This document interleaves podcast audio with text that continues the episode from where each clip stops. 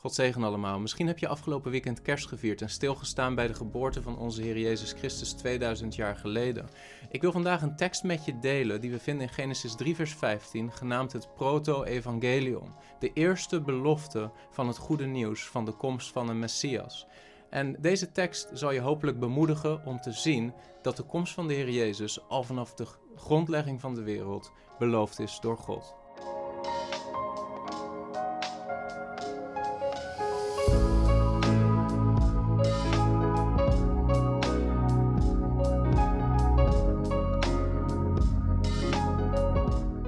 Ik stilstond bij kerst het afgelopen weekend en ook daarover predikte in mijn gemeente, stond ik stil bij mensen die de komst van de Heer Jezus verwachten toen hij geboren werd. Mensen zoals Simeon, die we vinden in Lucas hoofdstuk 2, waarvan geschreven staat dat het een man was die rechtvaardig was, die godvrezend was en hij verwachtte de vertroosting van Israël. De Heilige Geest was op hem en op het moment dat hij de Heer Jezus zag, wist hij, dit is de Messias, dit is het licht wat u bereid hebt voor de ogen van alle volken, om de heidenen te verlichten, om het volk Israël te verheerlijken.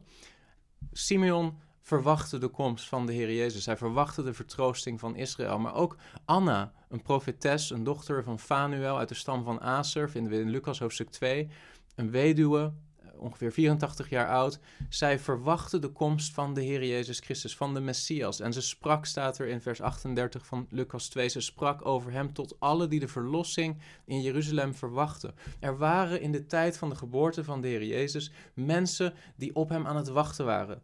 En dat deden ze niet uit het niets. Dat deden ze omdat de komst van de Messias al vanaf de grondlegging van de wereld beloofd was. En dat wil ik je laten zien om je te bemoedigen en je te laten zien. De komst van de Heer Jezus Christus kwam niet uit de lucht vallen, kwam niet plotseling, maar was aangekondigd, was geprofiteerd. En dat begon al in Genesis hoofdstuk 3, vers 15. Laten we daar samen even naar kijken. En dat schriftgedeelte in Genesis 3, vers 15 wordt ook wel genoemd het proto-evangelion. Dat wil zeggen het eerste evangelie, het eerste, het eerste moment in de schrift waarop er een belofte wordt gedaan van goed nieuws, ondanks de zondeval. Want als je de context kent van Genesis hoofdstuk 3, dan weet je dat dat helemaal niet zo'n um, ogenschijnlijk mooi schriftgedeelte is. Adam en Eva zijn geschapen in de volmaakte hof van Eden, in volmaakte gemeenschap met God. God heeft de hemel en aarde zojuist geschapen. Uh, ze zijn in heerlijkheid. En dan vervolgens lezen we in Genesis hoofdstuk 3 dat er een slang binnenkomt in de Hof van Eden. En uit de rest van de schrift weten we, die slang is niet zomaar een slang. Die slang is de Satan, is de duivel, is een gevallen, verheerlijkte engel die gevallen is uit de tegenwoordigheid van God. In rebellie tegen God. Dat zijn zaken die we allemaal kunnen lezen in de rest van de schrift, zoals in het boek Openbaring hoofdstuk 12.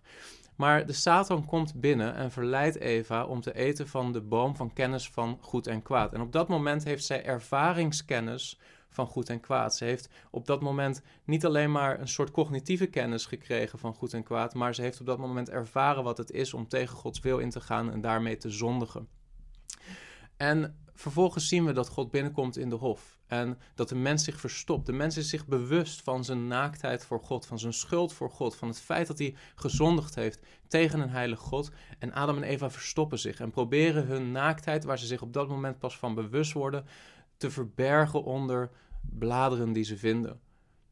En dan terwijl de mens op dat moment niets anders verdiend heeft dan het oordeel van God en de scheiding van Gods tegenwoordigheid, lezen we daarnaast dat er ook meteen een belofte is die God doet. En dat lezen we in Genesis hoofdstuk 3, we lezen het vanaf vers 14. Toen zei de Heere God tegen de slang, omdat u dit gedaan hebt, bent u vervloekt onder al het vee en onder alle dieren van het veld. Op uw buik zult u gaan en stof zult u eten, al de dagen van uw leven. Vers 15, en ik zal vijandschap teweeg brengen tussen u en de vrouw. Nou, dit is een woord, let goed op, dit is een woord wat God spreekt tegen de Satan. Ik zal vijandschap teweeg brengen tussen u en de vrouw en tussen uw nageslacht, oftewel uw zaad, eh, in het Hebreeuws staat er zera, uw zera, uw zaad en haar zaad. Dat zal u de kop vermorzelen en u zult het de hiel vermorzelen. Meteen al, na de zondeval, geeft God deze belofte aan de Satan, aan de slang, aan de duivel, dat er een zaad zal komen uit de vrouw die zijn kop zal vermorzelen. En tegelijkertijd zegt God tegen de Satan: Jij zult van dat zaad de hiel vermorzelen. Oftewel, er zal een nageslacht zijn, er zal een, een, een kind zijn uit het zaad van de vrouw. En die zal de boze vermorzelen, zijn macht vermorzelen. Zijn kop vermorzelen wil niet alleen maar een soort fysieke actie aanduiden, van een soort letterlijk een slang zijn hoofd verbrijzelen. Dat is niet waar het om gaat. Het gaat hier om het gezag en de macht van de Satan zal verbrijzeld worden door het zaad van de vrouw. En dit is een prachtige profetie van de komst van de Heer Jezus Christus. Want de Heer Jezus, zoals jullie weten, is geboren uit Maria, maar heeft geen biologische aardse vader. Jozef was natuurlijk wel uh, als een soort pleegvader betrokken, maar de vader van de Heer Jezus was God. Er was geen zaad van Jozef aan te pas gekomen, alleen maar een eicel van Maria. En dus zie je hier eigenlijk al een voorafschaduwing van die bijzondere geboorte en vleeswording van de Heer Jezus Christus. Want hij is letterlijk alleen maar het zaad van de vrouw en daarnaast de zoon van God, die in één ehm, mens naar de aarde is gekomen, de Godmens voor ons, de Messias. Hij is hier eigenlijk al beloofd. Dit zaad, deze zera van de vrouw. En tegelijkertijd lezen we ook dat het niet alleen zo zal zijn dat deze nakomeling van de vrouw de macht van de Satan zal verbrijzelen, maar we lezen ook dat God zegt tegen Satan: U zult het de hiel vermorzelen. Dus met andere woorden, jij zult dat zaad beschadigen. Jij zult die mens, die zoon des mensen, beschadigen. En tegelijkertijd zal diezelfde zoon des mensen jou verbrijzelen, jouw macht kapot maken. Hier zien we een, een enorm krachtige voorafschaduwing van het evangelie, meteen al bij de zondeval. En daarom hebben theologen dit ook altijd het proto-evangelion genoemd. Maar tegelijkertijd is dit niet het enige wat gezegd wordt. Vervolgens zegt God tegen de vrouw: Ik zal de moeite in uw zwangerschap zeer groot maken. Met pijn zult u kinderen baren. Dus enerzijds zegt God: De vrouw zal een zaad voortbrengen en dat zaad zal de kop van de slang vermorzelen, de, de, de macht van de zonde verbreken, het probleem oplossen. En tegelijkertijd zegt God erbij, maar weet wel dat het voortbrengen van kinderen, en dit kind in het algemeen, met veel pijn en moeite gepaard zal gaan. En wat interessant is, in het Nieuwe Testament vinden we een soort parallelvers waarin ditzelfde beeld terugkomt. En dat vinden we in het boek Openbaring hoofdstuk 12. Openbaring hoofdstuk 12, vers 1 tot 5, daar lezen we er verscheen een groot teken aan de hemel. Een vrouw bekleed met de zon en de maan was onder haar voeten en op haar hoofd een kroon van twaalf sterren. En zij was zwanger en schreeuwde het uit in barensnood en in haar pijn om te baren. Zie je, dat eh, zie je de analogie met Genesis 3, vers 15 en 16? En wat hier staat, een vrouw die het uitschreeuwt in haar barensnood, die pijn heeft om te baren. En dan vervolgens er verscheen een ander teken in de hemel en zie een grote vuurrode draak met zeven koppen en tien hoorns en op zijn koppen zeven diademen. En later in Openbaring hoofdstuk 12 zien we dat die draak is de oude slang, is de Satan, is de duivel die heel de wereld misleidt. Maar hier lezen we over een draak met zeven koppen, waar we opnieuw dat, dat idee zien van zijn kop, van zijn macht, van zijn gezag, van zijn kracht. En deze draak, die hier naast die vrouw als het ware staat, in twee tekenen in de hemel, daar lezen we over zijn staart veegde het derde deel van de sterren van de hemel en wierp die op de aarde. En de draak stond voor de vrouw die op het punt stond te baren om haar kind te verslinden zodra zij het gebaard zou hebben. En zij baarde een zoon, een mannelijk kind, dat alle heidenvolken zal hoeden met een ijzeren staf. En haar kind werd weggerukt naar God en naar zijn troon. En wat, wat interessant is hier om te zien, is dat die vrouw en die slang, die vrouw en die draak, die staan naast elkaar, maar je kunt je voorstellen vanaf Genesis hoofdstuk 3 vers 15, vanaf het moment dat God de Satan belooft, er zal een zaad voortkomen uit die vrouw en die zal jouw macht verbrijzelen, zal jouw kop vermorzelen. Vanaf dat moment is de Satan alert op de nakomelingen van de vrouw, op de nakomelingen van Eva en is bezig om iedere mogelijke totstandkoming van dat zaad te verhinderen. En dat lezen we in de hele menselijke geschiedenis. Want die vrouw die we hier zien in Openbaring hoofdstuk 1, dat is niet alleen maar Maria als de biologische moeder van de Jezus Christus. Natuurlijk is zij onderdeel van die vrouw, maar in feite, als je kijkt naar dat beeld van de zon, de maan en die twaalf sterren die verbonden zijn aan die vrouw, dan gaat het om het volk Israël. We vinden namelijk in Genesis, in het verhaal van Jozef, een verwijzing naar die zon en die maan en die sterren Er staat in Genesis 37, vers uh, eh, 9, dat Jozef nog een andere droom kreeg en hij vertelde ook die aan zijn broers. Hij zei, zie, ik heb weer een droom gehad en zie, de zon en de maan en elf sterren bogen zich voor mij neer. Toen hij dit aan zijn vader, Jacob, en zijn broers vertelde, bestrafte zijn vader hem en zei tegen hem, wat is dat voor een droom die je hebt gehad? Moeten wij, namelijk ik, je moeder en je broers, soms naar je toe komen om ons voor jou ter aarde te buigen? Zie je, het beeld van de zon, de maan en die twaalf sterren is een beeld van Jacob en is een beeld van de twaalf stammen van Israël. Israël heeft de Messias uiteindelijk voortgebracht, maar de strijd rondom de komst van het beloofde zaad begint niet bij het volk Israël, begint al meteen in Genesis hoofdstuk 4. Op het moment dat Eva haar eerste zoon voortbrengt, zie je dat de Satan al alert is. Zou dit het zaad zijn? Zou dit die beloofde nakomeling zijn die mijn kop zal verbrijzelen? En de eerste zoon van Eva is Kain. En we lezen hoe dat verhaal verloopt van Kain en Abel. We lezen dat God een, een offer van Abel aanneemt, maar een offer van Kain niet aanneemt. En hoe vervolgens Kains hart vervuld wordt van bitterheid, van jaloezie en van woede. En dan lezen we in Genesis 4 vanaf vers 6. En de Heere zei tegen Kain: Waarom bent u in woede ontstoken? Waarom heeft u uw hoofd laten zakken? Is het niet zo dat als u het goede doet, u uw hoofd kunt opheffen, maar als u niet het goede doet, ligt de zonde aan de deur? Naar u gaat zijn begeerte uit, maar u moet over hem heersen. Let goed op. Wat God zegt tegen Kain is: de zonde ligt aan de deur. En hij gebruikt een, een beeld wat als het ware weer past bij een roofdier, of een slang, of een draak, of een leeuw die aan de deur ligt, die binnen wil komen in het hart van Kain. De zonde ligt aan de deur van jouw hart, Kain. Hij wil over jou heersen, maar jij moet over hem heersen. Maar wat lezen we vervolgens? Eén vers verder, Genesis 4, vers 8. Kain sprak met zijn broer Abel en het gebeurde toen ze op het veld waren, dat Kain zijn broer Abel aanviel en hem doodde. En waar God tegen Kain zegt, Kain, jij moet heersen over de slang, jij moet heersen over de zonde, zien we dat Kain niet heerst over de zonde, dat hij wordt overwonnen door de zonde. En in geestelijke zin zie je dat het als het ware zo is dat Satan meteen laat zien dat zaad, hij is het niet. Hij is het niet. Hij heeft geen gezag over mij. Ik heb gezag over hem. Ik heers over Kain en niet andersom want hij kon het hart van Kain overheersen en hem tot zonde drijven. En we lezen ook in 1 Johannes 3, vers 12 dat Kain was uit de boze en hij sloeg zijn broer dood.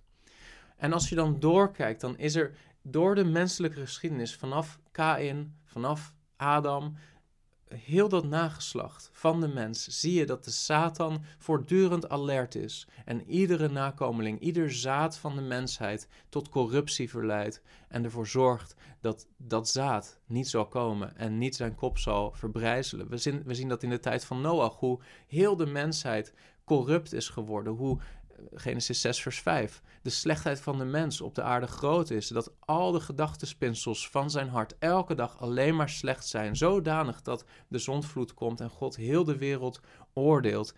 Op één man na, namelijk Noach en zijn gezin. Die vinden genade in Gods ogen. En je kunt je voorstellen dat de Satan als het ware toekijkt en denkt: dat zaad gaat niet komen. Dat zaad gaat niet komen. Er is maar één mens over met zijn gezin, Noach. En toch bevestigt God weer een belofte ten aanzien van dat zaad. Genesis 9, vers 9 is: Zie, ik maak mijn verbond met u, zegt God tegen Noach, en met uw nageslag, met uw zera, met uw zaad na u. En zo zien we dat de belofte van het zaad wat zal komen nog steeds doorgaat. Dwars door alles heen, dwars door de, door de zonde heen, dwars door het oordeel wat de mens verdient heen, blijft de belofte van God staan. Er komt een zaad, er komt een nakomeling die het zondeprobleem op zal lossen, die de kop van de slang zal vermorzelen. En dan zien we hoe in de tijd van Babel de Satan de mens verleidt om een eenheid te zoeken in hun eigen menselijke autonomie. En op die manier weer een wicht spant, een, een, een wicht drijft tussen God en de mensheid. En God uiteindelijk de mensen verstrooit en verschillende talen geeft. En toch gaat God door en blijft zijn belofte staan, want God spreekt tot een mens genaamd Abraham in Genesis 22, vers 16 tot 18. En opnieuw heeft hij het over het zaad en zegt God tegen Abraham: Ik zal uw zera, in uw zera, in uw nageslacht, in uw zaad, zullen alle volken van de aarde gezegend worden, omdat u mijn stem gehoorzaam bent geweest. Paulus citeert ook die belofte aan Abraham en laat zien dat dat betrekking heeft op Christus, op de Messias. Staat in Galaten 3, vers 16. Wel nu, zo zijn de beloften aan Abraham en aan zijn nageslacht gedaan. Hij zegt niet aan de nageslachten, alsof er sprake zou zijn van velen, maar van één. En aan uw nageslacht, dat is Christus. Dus de apostel Paulus laat ook zien, de belofte van dat zaad gaat over de Heer Jezus Christus. We zien die belofte herhaald worden aan Isaac in Genesis 26. We zien hem herhaald worden aan Jacob in Genesis 28. In uw nageslacht, in uw zera, zullen alle geslachten van de aardbodem gezegend worden. En vervolgens zien we hoe in de geschiedenis van Israël, het volk Israël, de profeten herhaaldelijk profeteren over de komst van de Messias, van de Zera. En misschien heeft de Satan toegekeken en gewacht op het moment om dat te kunnen vernietigen. We lezen daar al over in Egypte, wanneer het volk Israël in Egypte is, dat de farao zoekt om alle jongetjes te doden en daarmee te voorkomen dat er een mannelijke nakomeling zal zijn die zijn macht zal verbrijzelen. En vervolgens uh, de macht van rijken zoals Assyrië of Babylon of Medo-Perzië, uh, Griekenland, het Romeinse Rijk. Je ziet dat de Satan door al die overheersers, door al die politieke machten, het volk Israël overweldigen wil en het zaad wil vernietigen. En dan culmineert dat alles in de komst van de Heer Jezus 2000 jaar geleden. En ook dan weer lezen we hoe de duivel het hart van Herodes de Grote bestuurt en hem ertoe aanzet om vanuit jaloezie en vanuit zijn eigen politieke motieven het kind te willen doden. Maar achter Herodes zit gewoon diezelfde draak die het kind wil verslinden. En we lezen in Matthäus 2, vers 13 dat een engel van de Heer verschijnt aan Jozef in een droom en zegt: Sta op, neem het kind en zijn moeder met u mee, vlucht naar Egypte, blijf daar tot het moment dat ik het u zal zeggen, want Herodes zal het kind zoeken om het om te brengen. En we lezen in Matthäus 2, vers 16 dat wanneer Herodes de Grote doorheeft dat hij bedrogen is door de wijze en dat hij niet weet waar het kind precies is, dat hij besluit om alle kinderen om te brengen binnen Bethlehem, in heel dat gebied van twee jaar oud en daaronder. Zie je hoe de Satan strijdt tegen de belofte van God vanaf het begin. Hij heeft ieder mens corrupt weten te maken, ieder mens tot zonde weten te verleiden, van ieder mens laten zien: ik heers over de mens en de mens niet over mij, totdat het zaad komt en de Heer Jezus geboren wordt. En dat is de belofte van kerst. En dat is de strijd rondom kerst. Maar kerst betekent dat God zijn belofte vervuld heeft. Het zaad is gekomen. Het zaad van de vrouw zal de kop van de slang vermorzelen. En we lezen hoe de Satan naar de Heer Jezus komt en ook hem probeert te verleiden om te zondigen in de woestijn.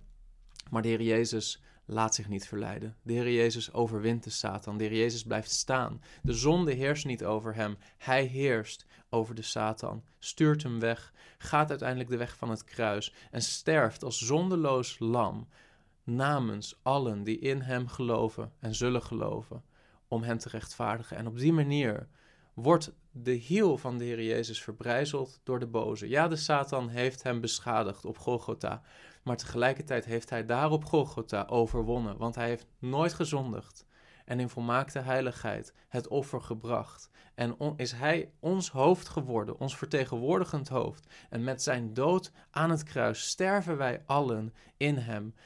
Worden onze zonden vergeven? Zijn we rechtvaardigd voor het aangezicht van God, omdat onze straf reeds is betaald en wordt daarmee de macht van de Satan in onze levens en de macht van de zonde in onze levens verbroken? En zo heeft de Heer Jezus getriomfeerd. En zo is de Heer Jezus, zoals we lezen in Openbaring 12, vers 5, is hij degene die alle heidenvolken zal hoeden met een ijzeren staf. Want niet alleen is hij gestorven, maar hij is opgestaan uit de dood. Hij heeft de dood overwonnen. En als je in Hem gelooft, dan is het niet alleen maar zo dat je gerechtvaardigd wordt, dat je zonden worden vergeven, maar dan komt de belofte van de Heilige Geest in je leven. Dan word je opnieuw geboren. En dan zal God ervoor zorgen dat in jou werkzaam is de kracht van de Heilige Geest om de kracht van de zonde te overwinnen. Dan is het niet alleen een kwestie van vergeving, maar dan is het Gods wil dat jij een overwinnaar bent, dat je leeft in overwinning over zonde. En dat lezen we ook in het boek Romeinen, waar Paulus zegt: De zonde zal niet over u heersen. Romeinen 6, vers 14. U bent namelijk niet onder de wet, maar u bent onder de genade. En zo is het eigenlijk zo dat er maar twee mogelijkheden zijn voor de mens. Of je bent in de macht van de zonde, of je bent nog onder het gezag van de slang. Want de slang is niet opgehouden te bestaan. Hij bestaat nog steeds. Zijn macht is weliswaar verbroken. Christus heeft zijn koninkrijk gevestigd. Hij is gezeten aan de rechterhand van de Vader. Hemel en aarde zijn overgegeven aan de Heer Jezus Christus. Maar tegelijkertijd bestaat de Satan nog steeds. En wacht hij tot het moment van het uiteindelijke oordeel. Waarbij hij in de poel des vuurs geworpen zal worden. En zal stoppen om mensen te kunnen verleiden. Maar op dit moment is de Satan nog steeds actief. Op dit moment tracht de Satan nog steeds mensen te verleiden tot zonde. En tegelijkertijd is Christus verheerlijkt en is hij gezeten aan de rechterhand van de Vader. Heeft hij alle gezag ontvangen in hemel en op aarde. En is het zo dat als je in hem gelooft, dat de zonde niet over je zal heersen, maar dat Christus heerst over jou. Je kunt maar één van de twee opties in je leven hebben. Ofwel, je gelooft niet in de Heer Jezus Christus en je bent in de macht van de boze. Je leeft onder het gezag van de zonde. En je leeft uiteindelijk als dienstknecht van de Satan. Of Christus is degene in wie je je geloof hebt gesteld. Je bent vergeven op grond van je geloof in zijn offer. Je bent gerechtvaardigd, je bent opnieuw geboren. De Heilige Geest leeft in jou en de zonde zal niet over je heersen, maar Christus heerst over jou. Dat zijn de twee opties.